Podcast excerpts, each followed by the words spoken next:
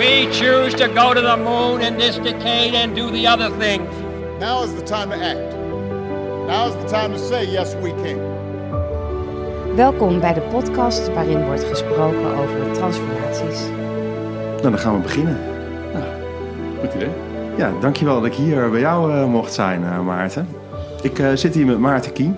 Eh, en wij hebben elkaar drie weken geleden eh, gesproken. Je was bij plek. Ja, bijzondere ontmoeting. Ja, ja, ja, dat was het zeker. En, uiteindelijk hebben we bijna een uur met elkaar zitten praten of zo. Ja, je bent denk ik ook de eerste man die mij binnen een minuut of drie aan het huilen kreeg. Dus Ja. dat is, eh zie Ja. maar als een compliment. Dat is geen patent van mij, eh, dat eh, zou ik niet willen.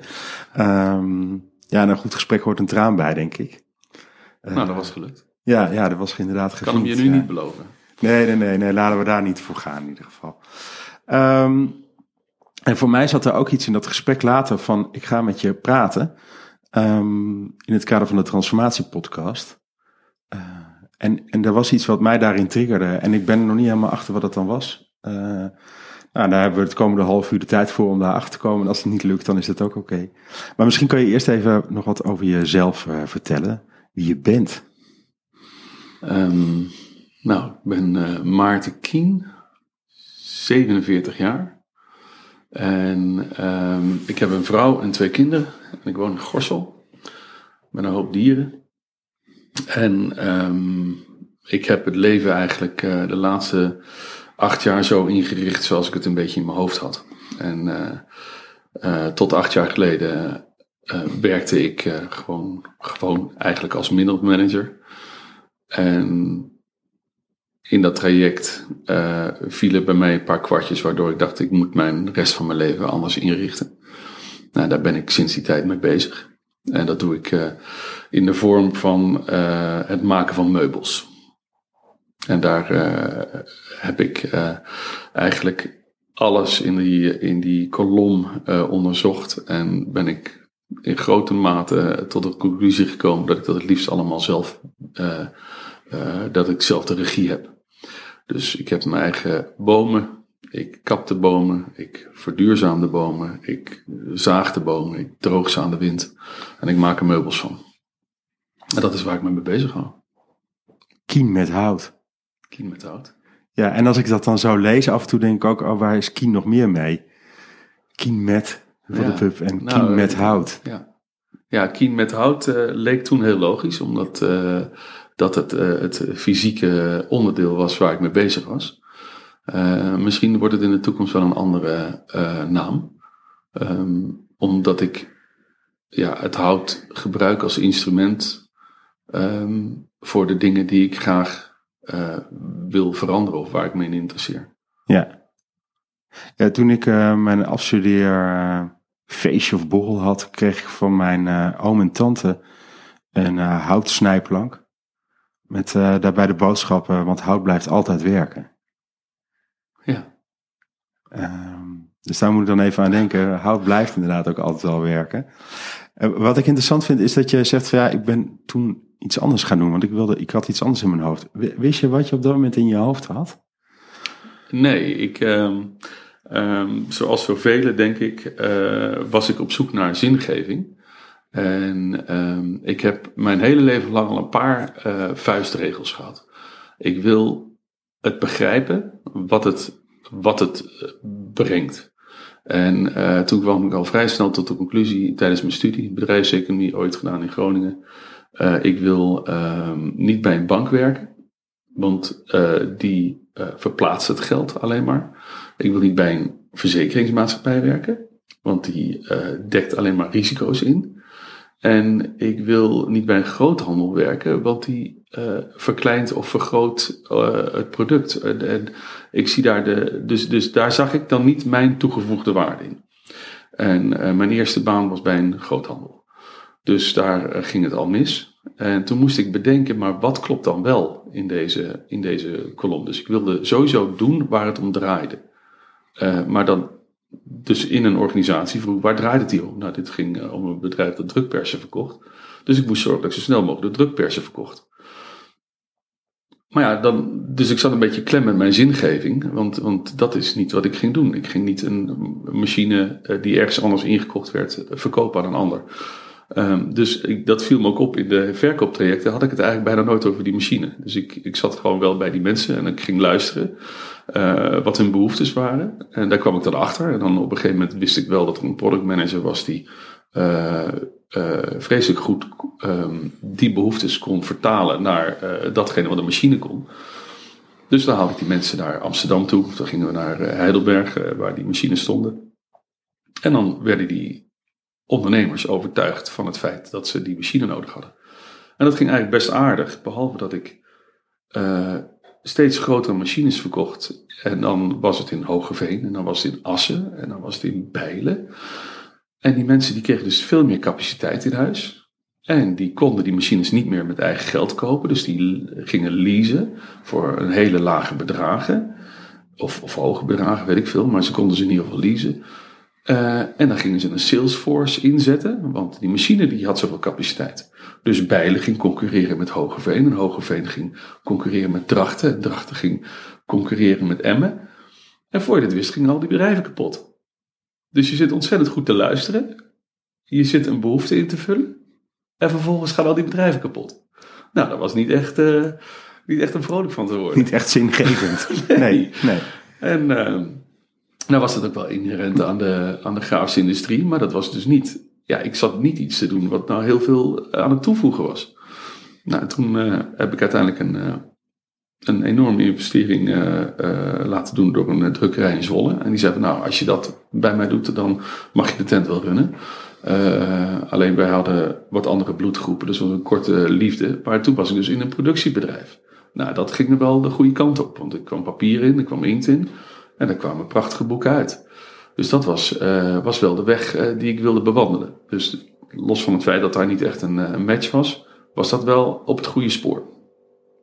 Uh, maar daar ging met vrij veel donder en geweld ging eruit. Dus ik had mijn wonden te likken. En, en in die periode viel er een boom om in de tuin. waar we toen woonden, in de bossen ergens onder Zwolle. En, en ik vroeg aan die boer, mag die boom kopen? Nou, zei hij, nee, die is niet van mij, die is van de, de landheer. Dus ik naar de landheer, mag die boom kopen? Ja, je koopt hem maar. Doe maar, uh, doe maar uh, 50 euro. Nou, dus ik die boom gekocht, helemaal happy. Grote, grote mooie zomereik. Uh, eindeloos veel takken eraan. En, en nou, toen zei die boer, ja, hij ligt hier nu al twee dagen. Hij moet hier wel weg, want de koeien die staan. Dus toen heb ik die boom verzaagd, of opgehaald en laten verzagen door iemand. En vanaf dat moment ging ik alleen maar nadenken over van er staat er een rotte boom, hij valt om. Wat kan ik er allemaal mee? En dat, dat heb ik in die tijd, uh, dus, dus buiten mijn werkzame tijd, heb ik dat uh, alleen maar over na zitten denken. Dus daar ging een paar jaar overheen en ik zat alleen maar te vreubelen met het hout en ik vond het fantastisch. En uh, ik wist er helemaal niets van, dus alles ging ook in ieder geval één keer verkeerd. En op een gegeven moment was de boom ook op. Op een gegeven moment was ik ben gisteren nog een stukje hout tegengekomen van die boom, maar ja, ja. op een gegeven moment is die boom op. Nou, met die, met die ervaring van de grafische industrie, van die drukkerij en die, en die uh, machinehandel, ben ik bij een papiergroothandel terechtgekomen in Zutphen. En toen ben ik nog verder gaan zorgen dat ik wel enige vorm van zingeving had. En toen mocht ik ook uh, goed bosbeheer, uh, was ik verantwoordelijk voor. Dus ik moest naar de leveranciers toe en kijken of zij zich netjes aan de afspraken hielden. En ze hielden zich allemaal heel netjes aan de afspraken. Dat was in ieder geval heel fijn. Alleen die afspraken waren niet per se goed. Uh, dus je moest je houden aan bijvoorbeeld de FSC-richtlijnen.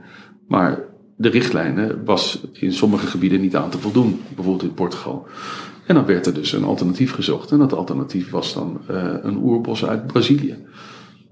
En toen realiseerde ik mij van als jij daadwerkelijk heel principieel wil zorgen dat het klopt, dan zul je het zelf moeten doen. Ja. Tenminste, dat was mijn conclusie. Ja, en, en er zat keer... dus een uh, paar weken tussen en toen ben ik opgehouden. En toen heb ik, uh, toen ben ik gewoon begonnen met dit vlaggetje aan de horizon. Alles zelf willen doen. Ja. Die hele kolom. En dat had je daar al eigenlijk voorgenomen? Of kom je dan steeds verder tot de conclusie, oh, maar dan moet ik dit ook zelf doen en dan moet ik dit ook zelf doen? Ja, dat uh, laatste. Dus ik had geen idee waar ik eigenlijk, wat voor conclusie ik had getrokken. Het was meer een, een gevoel.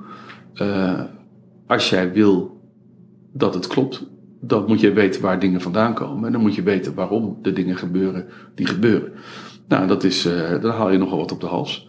En als je dat maar weet, als je dat nou als basis neemt, dan zijn de beslissingen heel makkelijk. Want dan kan je ze altijd langs die lat leggen. Ja.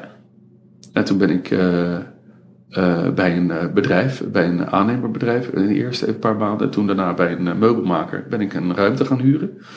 En toen kreeg ik klanten, want ik was in één keer meubelmaker. En die zeiden, ik wil een tafel. En dan ging ik eh, op zoek naar het hout. Maar dan moest het kloppen waar het vandaan kwam. En dat was steeds moeilijker eigenlijk. Want ja, iedereen in die hele kolom, ja, iedereen zit erin voor het geld. Eh, dus die willen gewoon hout verkopen. En dat begrijp ik wel. Alleen ik wilde weten waar het vandaan kwam. En dan liep het spaak. En toen kreeg ik de kans om mijn eigen bos te kopen, een jaar of acht geleden. En, en, het lijkt wel alsof dat werken met hout, dat dat veel meer. Ik kan het niet zo goed uitleggen, maar alsof je met dat werken met hout met iets bezig bent, wat je wil laten zien. Alsof dat werken met hout eh, een drager is van datgene eh, wat er diep in jezelf eh, gebeurt. Ja. Ja, het is. Ik merk dat als mensen hier komen voor een meubelstuk, dan ben ik eigenlijk helemaal niet bezig met het meubelstuk. Eh, Dan ben ik bezig om ze uit te leggen waarom ze bij mij zijn. En hoe ik kijk naar het materiaal. En eh, hoe ik vind dat het materiaal een rol moet hebben in ons leven. En eh, hoe we ermee om zouden moeten gaan. En dat, eh, dat is voor mij belangrijker geworden dan eh, het meubelstuk zelf. Ik weet niet of je dat bedoelt. Ja, nou ja, weet je, jij, het gaat mij niet over datgene wat ik ermee bedoel. Ehm, maar wat ik mooi vind is dat jij eigenlijk zegt, ja, maar voor mij geeft dat een hele kleine kans Ja.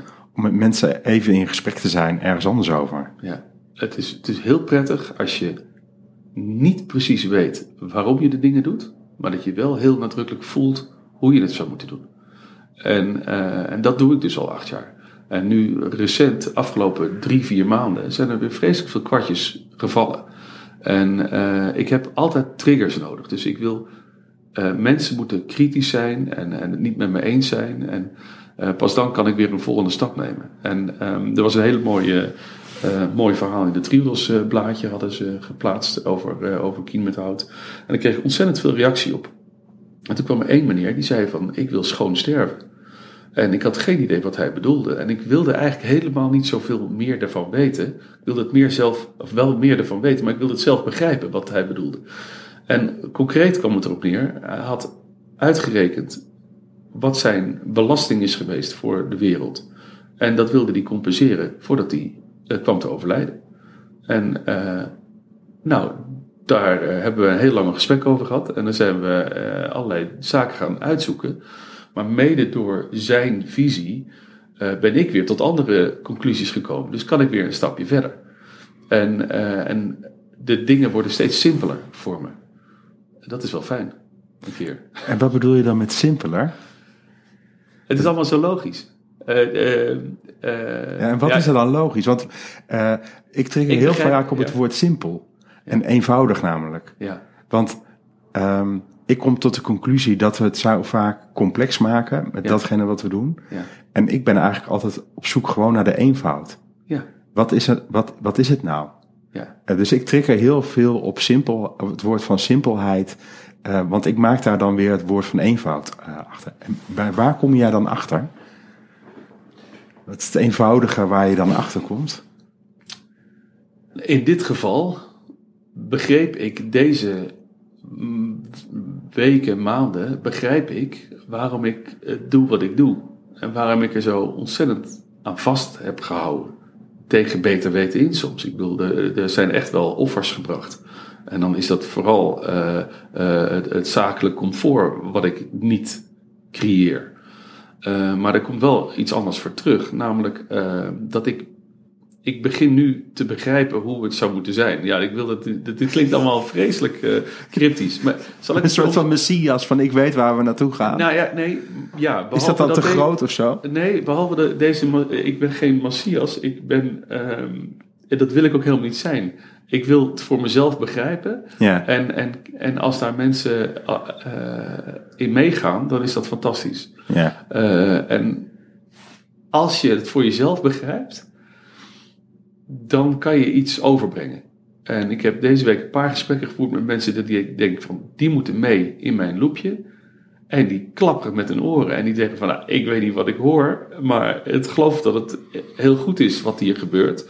Uh, maar uh, jij hebt nog wel wat hobbels te nemen, want zo denken wij niet. Dit is, gaat dan om een gemeente. Even heel in het kort, anders uh, blijft het te cryptisch. Mhm. En uh, ik hoor graag uh, waar ik uh, de denkfouten maak. Bomen zijn een CO2-depot. Daar zit CO2 in. Dat heeft zuurstof teruggegeven en dat heeft CO2 opgenomen. Dat is ons inmiddels wel duidelijk. Veel bomen hebben veel CO2. Een bos heeft extreem veel CO2 een bos dat je gekapt hebt, heeft nog steeds net zoveel CO2, alleen het ligt op de grond in die stammen. Die stammen, die kun je een paar dingen mee doen. Je kunt ze voor biomassa gebruiken, dan geef je meteen die CO2 weer terug aan de omgeving. En je kunt ook dat hout conserveren. En als je nog niet precies weet wat je ermee moet doen en je gaat het conserveren, dan is in het water de allerbeste plek. Op het moment dat je wel weet wat je ermee gaat doen, namelijk inzetten op de meest hoogwaardige manier, voor bijvoorbeeld het bouwen of voor meubels, dan heb je allemaal kleine CO2-depootjes. Dus die tafels zijn allemaal kleine CO2-depootjes. Vervolgens pak je dat resthout, dat composteer je en dat gebruik je als basis voor het bos. Want dat gekapte bos, daar zet je een veelvoud aan bomen neer. Want het bos, wat specifieke bos waar ik het nu over heb, mijn eigen bosje, daar staan 42 zomereiken in. Allemaal rond de 150 jaar oud. Maar het heeft ruimte voor, denk ik, wel 350 bomen. Maar nu niet omdat er te weinig licht is. Dus je moet het in één keer doen, anders heb je, heb je geen effect. Of geen, geen slagingskans. Nou, uh, dat, die meubeltjes die je allemaal maakt, ja, meubeltjes, maar uh, die meubels die je maakt, die plaats je overal. Dat moet verkocht worden natuurlijk dan, dus dan moet een klant willen. Maar je kunt de klant ook helpen, uh, namelijk door niet te verkopen. En door ze gewoon een, een werkplek af te laten nemen. Uh, waarom doe ik dat? Omdat ik vind dat ik verantwoordelijk moet zijn voor mijn eigen potentiële afval. Dus als ik als meubelmaker een product lever, mm-hmm. is dat potentieel afval, uitgesteld afval.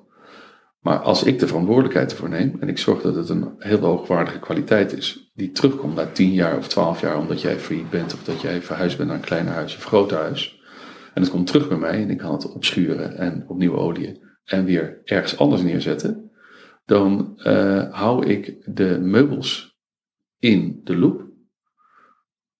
Er komen CO2 komt niet meer vrij. Er wordt nieuw CO2 onttrokken uit de omgeving, doordat ik dat nieuwe bos geplant heb. En uh, dan uh, ga je dus de goede kant op. En dan maak je allemaal CO2-depots eigenlijk. Maak je allemaal CO2-depots. En dat als alternatief voor uh, vervuilende toepassingen. Maar dan ben je, geen, Of, uh, maar dan ben je bijna geen meubelmaker meer, maar dan ben je een CO2-depot maakt niet uit. houder. Maakt niet uit wat ik ben. Nee? Want, want waarom zeg je dat? Dat het niet uitmaakt wat je Nou bent? ja, ik voel me helemaal geen meubelmaker. Nee. Uh, Ik voel me ook geen CO2-depot Depotbouwer. Ja. Het is gewoon, dit is wat ik voel dat ik moet doen. Ja. En eh, moet je zeggen, in het hele verhaal heb ik af en toe het gevoel dat ik misschien wel te veel lul en te weinig doe. Uh, en dat is misschien wel omdat ik uh, wacht tot uh, mensen met me meegaan. En die meneer die schoon wilde sterven, die zegt, jij hebt het land, ik betaal de bomen, let's go. Ja. En dat heb je nodig. En die man die was getriggerd door iets wat ik potentieel wist. Wat ik potentieel vertelde, maar niet wist wat, dat ik dat vertelde. Ja. En hij haalde dat uit mijn verhaal. Ja. En dat is gewoon mooi. Dat Ja. dat gebeurt. Ja. Maar ik merk dat er dan bij mij een soort van verwarring optreedt. Ja. Dus dat je, dat je zegt van, ah ja, maar ik, ik doe wat ik doe. En ik, en ik hoop dat ik daarmee eigenlijk mensen, eh, dat, die, dat die bij mij aansluiten. Of daarmee ook weer andere dingen gaan doen. Dus enerzijds Wat maakt is de het heel... verwarring? Nou ja, het is zeg maar. De verwarring is eigenlijk dat je ehm, iets aan het doen bent waar je gewoon heel blij van wordt. Zonder dat je daarbij de intentie hebt om iets groters aan eh, te wakkeren. Eh, en dat een beetje pretentieloos eigenlijk doet. Maar tegelijkertijd eh, dat dat dan wel gebeurt of zo. Terwijl op het moment dat je gaat verwachten, ik ga er eh, wat, wat aan trekken, want dan krijg ik wat meer mensen eh, mee. Ik heb het gevoel dat je dan wat kapot trekt of zo. Dus dat is voor mij de verwarring. Hoe, hoe kan je dan zorgen dat je zegt, ja, maar ik doe gewoon mijn ding. En, en dan komt het goed. En het komt niet automatisch goed. Dat is, Nee, het komt niet automatisch goed. En ik denk ook dat eh, we hadden vlak voor dit gesprek hadden we eh, even een, een, een korte, eh, kort iets over mijn verandering van werk. Dat ik op Ja. een gegeven moment zei van ik ga zelfstandig worden, ik ga meubelmaker worden. En ik had nul ervaring in meubelmaken, maar ik ga meubelmaker worden. Dat heel veel mensen naar me toe kwamen en zeiden, jeetje wat stoer, wat flink. Dat die ene meneer zei van ehm, wat laf.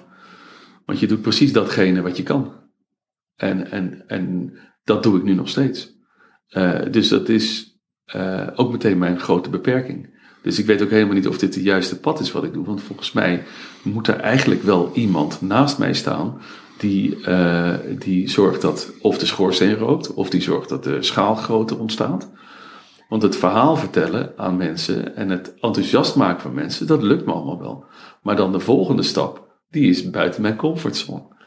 Dus, dus misschien is dat ook wel waarom ik steeds maar doorga en doorga in mijn verhaal. En toch de, de alliantie mijt. ja, tegelijkertijd hoor ik op de achtergrond ook de haan kraaien. Dus ik heb het idee dat het ook heel dichtbij is of zo. Ja. Dus ja, weet je, je kan door blijven praten, maar meer kan je toch ook niet doen? Het, het Het doen. moet zich op een gegeven moment toch ook, hij moet zich dat dan aandienen of zo. Het- dat iemand doen. zegt, nou kom Ja. Maarten, volgens mij eh, gaan we dit samen verder brengen. Ja. Ja. En op het moment dat je er namelijk naar op zoek gaat, eh, dan ga je het volgens mij niet vinden. Daarom, eh, ik, ik denk dat, dat, tenminste als je gelijk hebt, dat hoop ik maar. Want, want dat is het pad wat ik volg. Ja. En, en waarom ben je dan, want, want waarom ben je dan zo enorm verbonden? Want ik heb namelijk ook dat nu natuurlijk die uitzending zitten bekijken. Hè? Eh, hoe heet, wat heet het dan ook weer? Droom in uitvoering. Droom en uitvoering, ja. Je hoeft er niet op te zoeken. Nee, nee, nee, nee. Nou ja, wat ik mooi vond was zeg maar ehm, een van jouw klanten waarbij je die tafel ging afleveren. wat ook volgens mij iemand was met wie jij in een studentenhuis hebt gezeten. Klopt. En eh, die maakt dan even tussen, tussen neus en lippen door de opmerking van ja, maar Maarten was eigenlijk altijd al zo bezig. Dus ergens is het een grote verandering dat je dit aan het doen bent. En tegelijkertijd doe je het, heb je het eigenlijk altijd al gedaan. Mhm. Mhm. Dus, dus, dus wat zit er dan in jou? Wat, heeft dan, wat is de roep dat je dit moet doen? En dan dondert er een boom om en, en die maakt jou gewacht van het feit... Hé hey Maarten, kom op jongen. Als jij goed bent in eh, non-verbale houdingen analyseren, dan zie je dat ik dat... eh, Maarten sluit zich nu ongeveer. Ja, nee, ik denk, ik denk dat, dat je dat heel scherp ziet. Ik denk dat ik eh, eh, altijd al zo geweest ben. En dat ik alleen helaas de laatste twintig jaar voordat ik dit ben gaan doen, eh, te veel om me heen heb gekeken. En gekeken heb, wat doe jij? Oh, je hebt een leaseauto, je hebt een laptop. Oh, jij studeert economie. Oké, nou, dat moet ik dan blijkbaar ook allemaal doen. Ja, En niet voor niks duurde dat allemaal vreselijk lang. En niet voor niks eh, eh, heb ik me daar helemaal niet zo erg eh, prettig gevoeld in, in die periode. ja. Dus dat moest eruit komen. En als ik dan terugdenk aan wanneer zat er wel in. Ik heb ooit direct nadat ik bij die papiergroothandel weg was, toen kreeg ik een outplacement mevrouw. En die heeft toen allerlei testen bij me gedaan. En die heeft toen een grafiekje gemaakt over, ik denk mijn, mijn persoonlijke well-being over die eerste 40 jaar. ja. En ik, stoor, ik scoorde enorm eh, hoog eh, in mijn jeugdjaren. En dat ging eigenlijk vanaf de middelbare school, ging dat in een soort van rechte lijn naar de bodem. Eh, waar ik nou, na een paar jaar werken weer langzaam opkrabbelde. Ehm, en ik denk dat dat die periode, dus dat je na je puberteit, ehm, dat je toch blijkbaar heel erg sterk om je heen kijkt van wat gebeurt daar en, Ja. en hoe eh, is mijn rol. En ehm, nou ja, dat was een, een moeilijke rol. Of eh, de moeilijke rol om te vinden. Ehm, maar ik denk wel dat ik hem gevonden heb. Ja, en dan kijk je bijna instemmend naar mij van zeg alsjeblieft dat ik mijn rol heb gevonden. Nee, eh, mm, het- ik voel mij prettig bij wat ik doe. Ja, En eh, eh, het is eh, de, de, de goede dingen die ik toen had, die heb ik moeten inruilen voor de goede dingen die ik nu heb. En, ehm, en dat, dat, dan denk ik eigenlijk alleen maar aan financieel. ja, Alleen het stomme is van het financieel, het heeft zoveel impact op alles. En eh, dus hoewel het mij eh, het minst bezighoudt, heeft het het grootste effect op me. En dat is wel eh, jammer. Dus, eh, dus als dat wat minder op de voorgrond zou zijn, bijvoorbeeld door iemand die zegt van nou Maarten, ik volg je verhaal. Alleen eh, je laat het daar liggen en dat is zonde. Maar Ja. daar heb ik meer verstand van dan jij. Dus laat mij dat deel doen. ja, Ja, dat, dat, zou, dat zou logisch zijn. Dat, dat zou, dan zou het makkelijker vloeien. Dus zo kom ik er ook wel. En als nu iemand zegt tegen mij, hier Maarten, ik heb een beetje naar je geluisterd, hier heb je 25.000 euro, zou ik het niet willen. Want ik, ik, ik voel me heel prettig bij de weg die ik bewandel. ja. Maar nee, maar, dan, maar kijk, acht jaar geleden of zeven jaar geleden zei je, ik ga het zelf uitzoeken. En nu kom je op een punt dat je zegt, maar er is ook iets waar ik niet goed in ben. En daar moet ik iemand bij eh, gaan vinden. Dat hoor ik je eigenlijk zeggen. Zeven jaar geleden had je dat nog niet kunnen zeggen. Nee. Zeven jaar geleden dacht ik al dat ik meubelmaker was ook trouwens. Ik dacht al meer dingen toen. Wat overigens mijn redding is geweest. Hè? Want, Als je begint met, ik ben meubelmaker. En Ja. je komt er later achter dat je helemaal geen meubelmaker bent. Maar de noodzaak is er om het te zijn. Ja, dan kom je tot grote hoogtes. Dat was wel, eh, nou ja, je laat iets door je handen vloeien waar je heel erg mee verbonden bent. En, en datgene wat je door je handen laat vloeien staat voor veel meer voor jou ja. dan, ehm, dan alleen het hout wat het is. En, maar, maar terug, het gaat ook wel ergens over erbij horen of zo. Waar, wanneer hoor je er wel bij, wanneer hoor je er niet bij? Mhm. En er is ergens een moment geweest, gevoelsmatig, waarbij jij zegt, nou, maar ik hoef niet ergens bij te horen of zo. Ja. Is dat die klap van die boom geweest of wat is dat? Nou klinkt het net alsof die boom op mijn hoofd is gevallen. Maar, Ja, ja. Nee, wij gingen echt naast. Maar Ehm,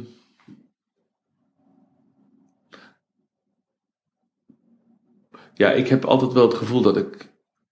Ik heb altijd wel bij, bij erbij gehoord. Maar wel op mijn manier. ja, En, en nu is het allemaal op mijn manier. En ik hoor ook nog ergens bij.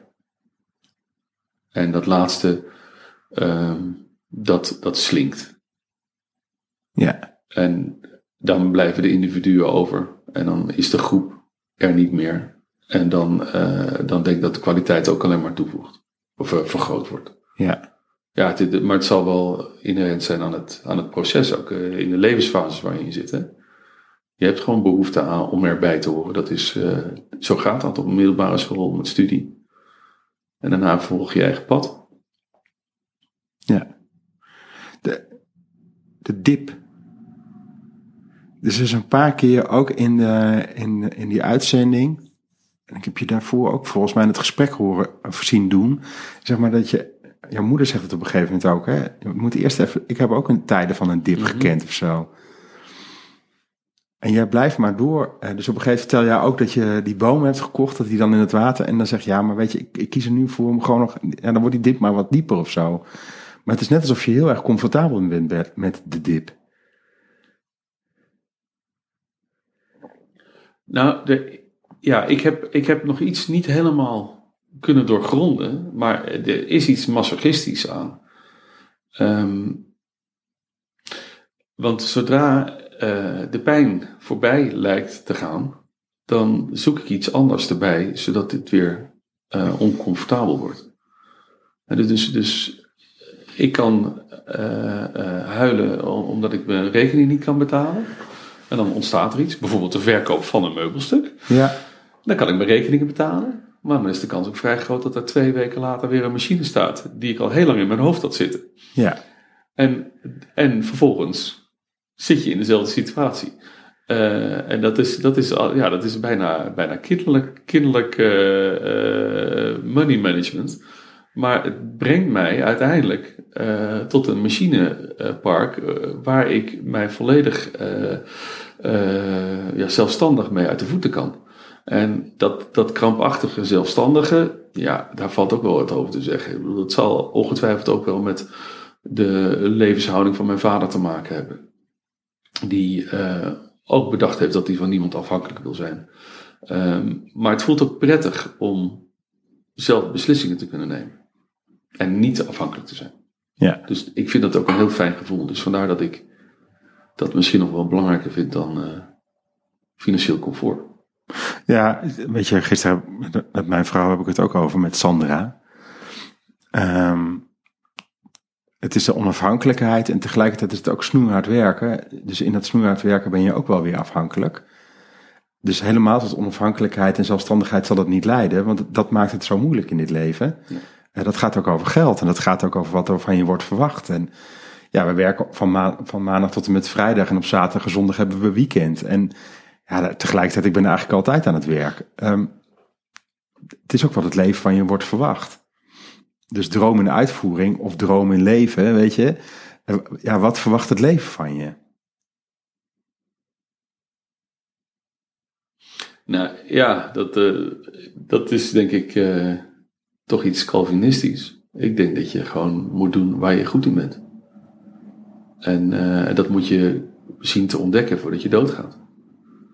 En ehm, nou, volgens mij ben ik er eh, op dat vlak, eh, probeer ik een inhaalspurt te maken.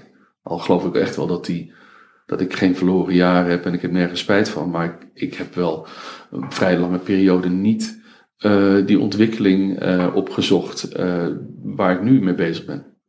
Nou, en ik hoop dat ik de komende periode, stel dat je me over vijf jaar weer spreekt, eh, dan, dan hoop ik daadwerkelijk eh, dat cirkeltje wat ik je net heb omschreven, dat dat een, eh, een springplank is geworden. Dat dat een common good is geworden bij de gemeentes. Dat dat, dat, dat eigenlijk logischerwijs. Overal. Oh, ja, Ja, en dan, ehm, ja, dan hoef ik daar de credits niet voor hoor. Dat, nee, maar dan heb je mensen weer in dienst. dat betwijfel ik. Ja, dat dacht ik al. ja. Ja. Ja.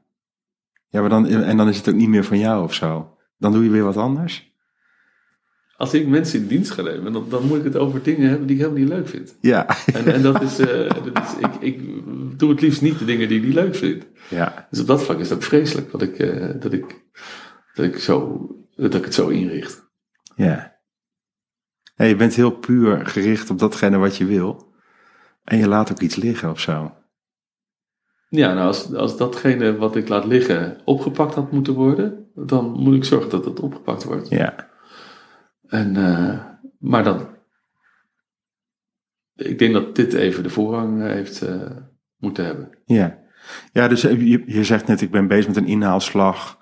Ehm, misschien wel en misschien ook niet. Hè? Je zei, ik ben bezig met een inhaalslag, zei je toch? En, en ik vraag me dat af. Ik heb het idee dat je veel meer bezig bent met datgene wat er van jou wordt gevraagd of zo, gevoelsmatig. En dat je daar eh, mee bezig bent. Door wie? Dat weet ik ook niet. Door wie zou, door, waar, zit, waar zit jouw drijfveer? Nou, eh, in, interesse in de wereld. Nou, niet in de wereld eigenlijk, in de aarde. Ja, Ja, ja, gewoon continuïteit eh, zien te waarborgen. Zorgen dat onze kinderen ook nog een mooie, mooie toekomst hebben. ja, Nou, dat is. eh, en het is twee voor twaalf. En, en, en eh, ja, ik, eh, ik zoek dan wat mijn bijdrage kan zijn. Nou, en als ik merk dat dat, eh, dat, dat niet weerlegd wordt, die ideeën, dan denk ik, nou, dan gaan we daar, zetten we een mooie koers. Dan gaan we daarmee door. ja. Nou heb ik het idee dat ik een vleugje boosheid raak of zo. Klopt dat?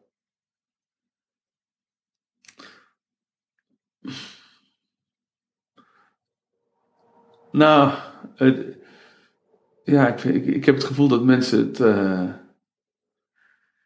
Eh, nou, boosheid. Het is. Jouw vorige vraag was eigenlijk. wat- jouw zingeving. Ja, Waar, waar komt jouw zingeving? Hè? Waar, ja waar doe je het voor of Waar zo? doe je het voor? Ja, En, dan, en, en dan, dan, dan, dan klinkt het bijna. Weet je, ik heb, ik heb twee jaar geleden heb ik eh, 35, voor echt veel geld, 35 bomen geplant in mijn bos. Omdat ik dacht, die kunnen daar nog staan. Die zijn bijna allemaal dood gegaan. En dan vertel ik tegen iemand, dat ik, eh, weet ik veel, eh, ze weet allemaal dat ik het, eh, financieel dat het niet fantastisch loopt. Ik, nou, je hebt 3000 euro uitgegeven aan het planten van bomen. En dan, dan voelt soms de reactie van dat ze het helemaal begrepen hebben. Van hoe kan je nou zo dom zijn om bomen te planten? Want je weet toch dat je daar zelf geen lol van gaat hebben. Hè? Je weet toch dat je daar zelf geen meubels van gaat maken. Dus het is gewoon weggegooid geld. Nou, en, en in die lijn eh, voelde een beetje de vraag van wat, wat, waar, waar komt nou je zingeving vandaan? Ik leg Ja. jou uit hoe dat, hoe dat CO2-depot tot stand komt. ja, En hoe ik uiteindelijk eh, met een circulair model die CO2-depootjes de hele wereld eh, kan, kan vullen. Eigenlijk dat, je een, dat dat deel, dat daar een deel van de oplossing ligt. ja. En dan, wat drijft me? Nou ja, wat verwacht je dan dat ik zeg? Eh, ja, zoveel mogelijk geld verdienen? Of, of eh, wat, wat, wat, wat, wat moet mijn antwoord zijn? Ja, voor mij is elk antwoord dan goed. Oké, nou dan, dan, En, en dan, het is, en dan was het voor mij een beetje een, een, eh, een eh, retorische vraag. ja, zo van dat zie, dat zie je toch? Ja. Ja, ja, ja. En, en ik snap wel dat je dat zegt. En, en, ehm, eh, en ik schrik ook een beetje van je reactie, zeg maar. Hè? Maar het gaat mij veel meer over dat ik het bijzonder vind wat je aan het doen bent. En dat ik me dan afvraag, wat is dan hetgene waar je elke ochtend voor wakker eh, wordt?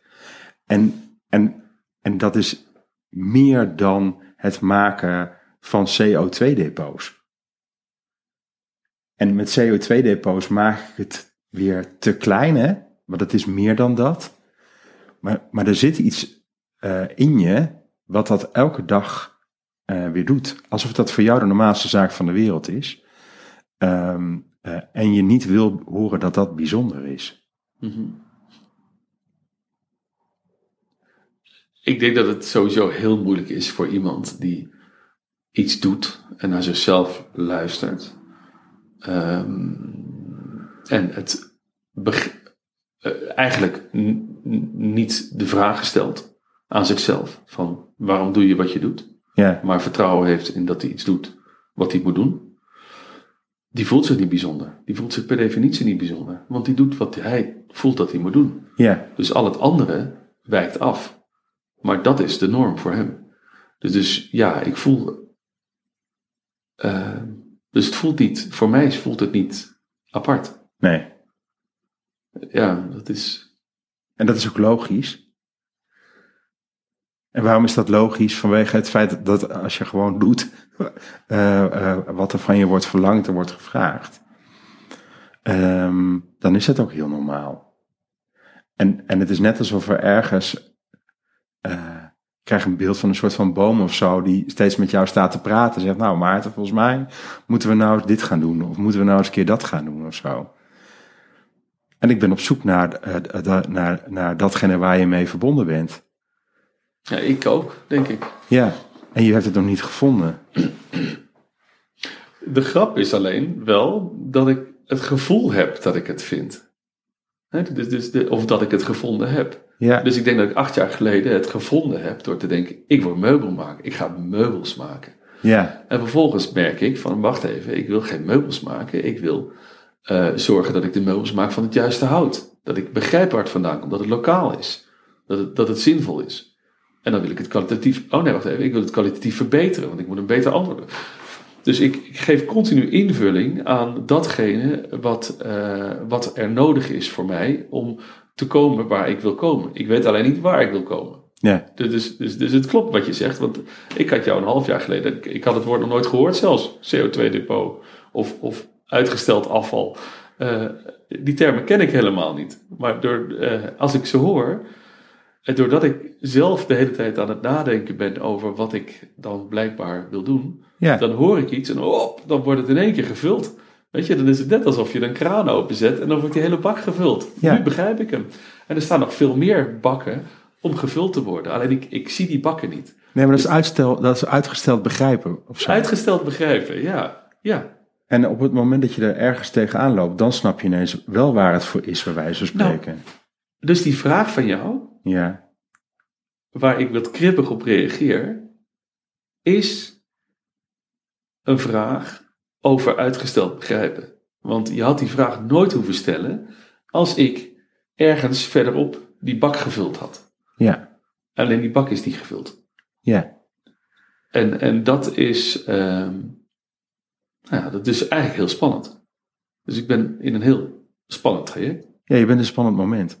Want je zegt namelijk ook een paar keer tegen mij van ja, maar misschien moet ik ook iemand hebben of zo naast me die eh, eh, andere dingen doet eh, dan ik, die, die een aanvulling is op mij, zodat ik ook weer een volgende stap kan maken.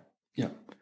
En ik, en ik kan me heel goed voorstellen, gewoon in algemene zin, ehm, dat op het moment dat je te veel gaat maken, zoals een meubelmaker, dat je dan niet krijgt wat je zou willen hebben.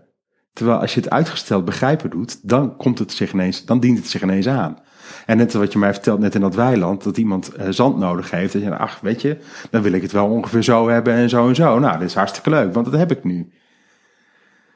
Dus, dus waar je als meubelmaker in algemene zin maakt wat je wil maken, ben je daarnaast iets aan het maken en aan het doen. Ehm, ja, waar mensen om je heen continu aan het vragen zijn, maar Maarten, wat ben je nou aan het doen? En Ja. dan moet je eigenlijk zeggen, maar ik weet het zelf ook niet helemaal, Nee. maar dit is wat ik aan het doen ben. Ja, ja. ja en, en, en het meubelmaken zelf heeft me ook heel veel gebracht. Want door, door te kijken eh, naar het materiaal en na te denken over het gebruik, eh, kom je tot, tot hele minimalistische zaken en essentiële zaken. En dan wordt het eenvoudig eh, en vernuft. En dat, is een hele mooie, dat is een hele mooie combi. Dus, dus ik ga ook steeds verder door met dat product. Weet je, als ik het heb over een circulaire kantoortafel, ja, dan kan ik daar, dan, dan, dan moet je nadenken over wat gebeurt er nou als die over 10 jaar of over 20 jaar terugkomt. In eerste instantie maak je een kantoortafel die voldoet aan alle voorwaarden die eraan gesteld worden. Maar daarna moet je nadenken, maar wat als die terugkomt? Ik moet hem dus één op één over 20 jaar ergens anders. Dus hij moet tijdloos zijn. Hij moet eh, eh, massief zijn. Eh, hij moet van zo, zo min mogelijk eh, niet-natuurlijke materialen gemaakt worden. Nou, die, die balans zoeken, dat is, eh, daar moet je meubelmaker voor zijn. Dus dat deel, dat moet wel door blijven gaan. Ik moet hier wel eh, werken. Ja, en ik kan me ook best wel voorstellen dat je dan over tien jaar die tafel terugkrijgt. Dat je dan denkt, hoe heb ik dit, op, hoe heb ik dit kunnen bedenken op die en die manier? Ja. En dat heb ik toen wel slim bedacht. Ja, ja of, of niet, hè? Want ik heb, eh, ik heb een, mijn eerste tafel, die ik heb gemaakt, toen een jaar of tien geleden. Toen ik, die heb ik al drie keer uit elkaar gehaald. En, en drie keer opnieuw ingezet. Van, nou, dit kan echt niet. Dus, dus, dus je moet ook eh, de weg ernaartoe. Het was in eerste instantie al een goed functionerende tafel. Ja, hout blijft werken. Maar, ja. maar hout blijft werken. Ja. Ja. En, en het baasje ook. Ja, ja, maar ik vind het, ja, dus op die manier, enerzijds weet je dus precies wat je aan het maken bent. En weet je ook wel van, oh ja, maar als ik dit heb, dan heb ik die machine, dan ga ik dat doen. Ja. En tegelijkertijd ehm, eh, ben je ook iets aan het doen eh, waarvan je niet helemaal weet waar je eh, eindigt. Maar doordat je in het hout eh, en het meubel maken zo goed weet wat je wel doet, kan je het andere misschien ook weer wat meer loslaten of zo. Nou, En misschien ben ik, nu dat- te romantisch, hè? Dat kan natuurlijk nee, ook. nee, nou, wa- wat, wat ik altijd, nou vrijwel altijd doe, is als er iemand bij me komt en die wil een tafel hebben of die wil een bank hebben, dan gaat dat conform deels eh, de, de specs van de klant en, eh, en, en deels eh, op basis van eh, mijn ervaring. En dan komen we tot iets. Maar vrijwel altijd voeg ik iets toe wat ik niet eerder heb gedaan. Gewoon omdat ik verder wil. Je gaat niet verder als je hetzelfde doet. Ja. Alleen verder als je vernieuwt. Ja. Nou ja. Ja. En dat is, eh, dat is wel een fijne drijfveer als meubelmaker. Nou ja, elke keer een stapje verder. Ja. En, en wat jij vertelt over eh, dingen in eigen beheer doen en zelfstandig. ehm, ja, ik ga, als ik zeg dat het me inspireert, is dat te veel, hè? Oh, Maar. Nou ja, maar, maar het is wel zo dat ik natuurlijk ook naar mezelf kijk van oké, maar hoe doe ik het dan en wat doe ik dan daarin dan zelfstandig? En ik weet ook heel goed, kijk toen ik voor mezelf begon zeven jaar geleden, dacht ik als eerste, ik ga hetzelfde bouwen wat, als ik, wat ik ook ongeveer had gebouwd in mijn, eh, ehm, het leven wat ik hiervoor had. En gelukkig was er iemand die tegen mij zei, ja, maar volgens mij wil je nu mensen gaan aannemen. Mark, ik verwacht echt meer innovativiteit van jou en ga het zelfstandig doen. Ja. Ehm, en bij ons is het een worsteling geweest thuis van... Oh, oké, volgens mij kunnen we nu de hypotheek een keertje niet betalen. Hoe gaan we dit nu doen? En langzamerhand ontstaat dit. En ben ik nu podcast met mensen aan het opnemen. En wat wil ik hiermee bereiken? Ik zou het niet weten, maar ik vind het wel heel leuk om het nu te doen. Ja. Ja. En jij koopt een machine en ik koop eh, de beste apparatuur die er is. Want dan begint het in ieder geval goed. ja. Dus kwaliteit is voor mij dan eh, heel belangrijk. Maar terugkomend gaat het wel over. Ja, ik weet ook niet altijd wat ik doe. Als mensen aan mij vragen, maar Mark, wat doe je dan? Dan zeg ik ook wel eens, ik weet het eigenlijk ook niet. Volgens mij eh, was, dat, was dat inderdaad jouw toelichting toen ik het jou vroeg, drie weken geleden. Ja. ja, en als ik het zeg, vul ik het altijd een zwaktebod ook. Als ik zeg, ik weet het niet. Altijd. Nou, dat wordt een kracht. Ja, ja, ja. Als zodra mensen doorhebben dat het een kracht is, dan, eh, dan ben je goed bezig. Ja, nou, maar dat snap ik wel. Maar dat is ook zo. En, en het is ook in alle realiteit zo dat ik het ook niet altijd weet. En dat ik tijd nodig heb om te ervaren, te voelen, te zien. En het ook gewoon cognitief te snappen. En dan pas kan ik aan de gang. En heel vaak blijven we in dat hoofd en dat gevoel hangen. En het interessante bij jou vind ik dat het ook zich manifesteert in je handen. Dus het zijn voor mij wel drie dingen die samengaan met elkaar. En dus alleen maar in je hoofd hangen, nou ja, dat ken ik heel goed. En alleen maar in je lichaam hangen van wat voel ik nu. Maar het moet zich wel ergens manifesteren. Het moet iets, tot iets leiden, want anders dan eh, kom je er niet. Ja. Goed. Ik ben er wel een beetje leeg. Welke vraag moet ik je nog stellen? Hebben we Nou, alles vast, besproken? vast een allesomvattende vraag heb je nu nog eh, in het verschiet. Nee, nee, ja. Ja, ik sla het steeds af met, eh, weet je, met welke vraag loop je naar buiten of zo. Maar als ik dan naar buiten kijk, dan zie ik heel veel kippen rondrennen. En een vrouw inmiddels. En een vrouw inmiddels, die je ook zo Zie meteen... ik ook nu. Dus, dus ja, ik wens je heel veel plezier in je beestenboel. Ja, dankjewel. Ja, en ik ben heel benieuwd eh, over hoe het eh, over een tijdje weer met je gaat. Dus uh, dank je wel. Nou, jij bedankt. Dank voor het luisteren naar deze aflevering. Wil je geen aflevering missen? Abonneer je dan. Via www.overtransformaties.nl kan je je inschrijven voor de podcast alert. Bij nieuwe afleveringen krijg je dan een bericht. Daarnaast zullen we via de podcast alert aanvullende content verspreiden. Nogmaals dank voor het luisteren en tot de volgende aflevering.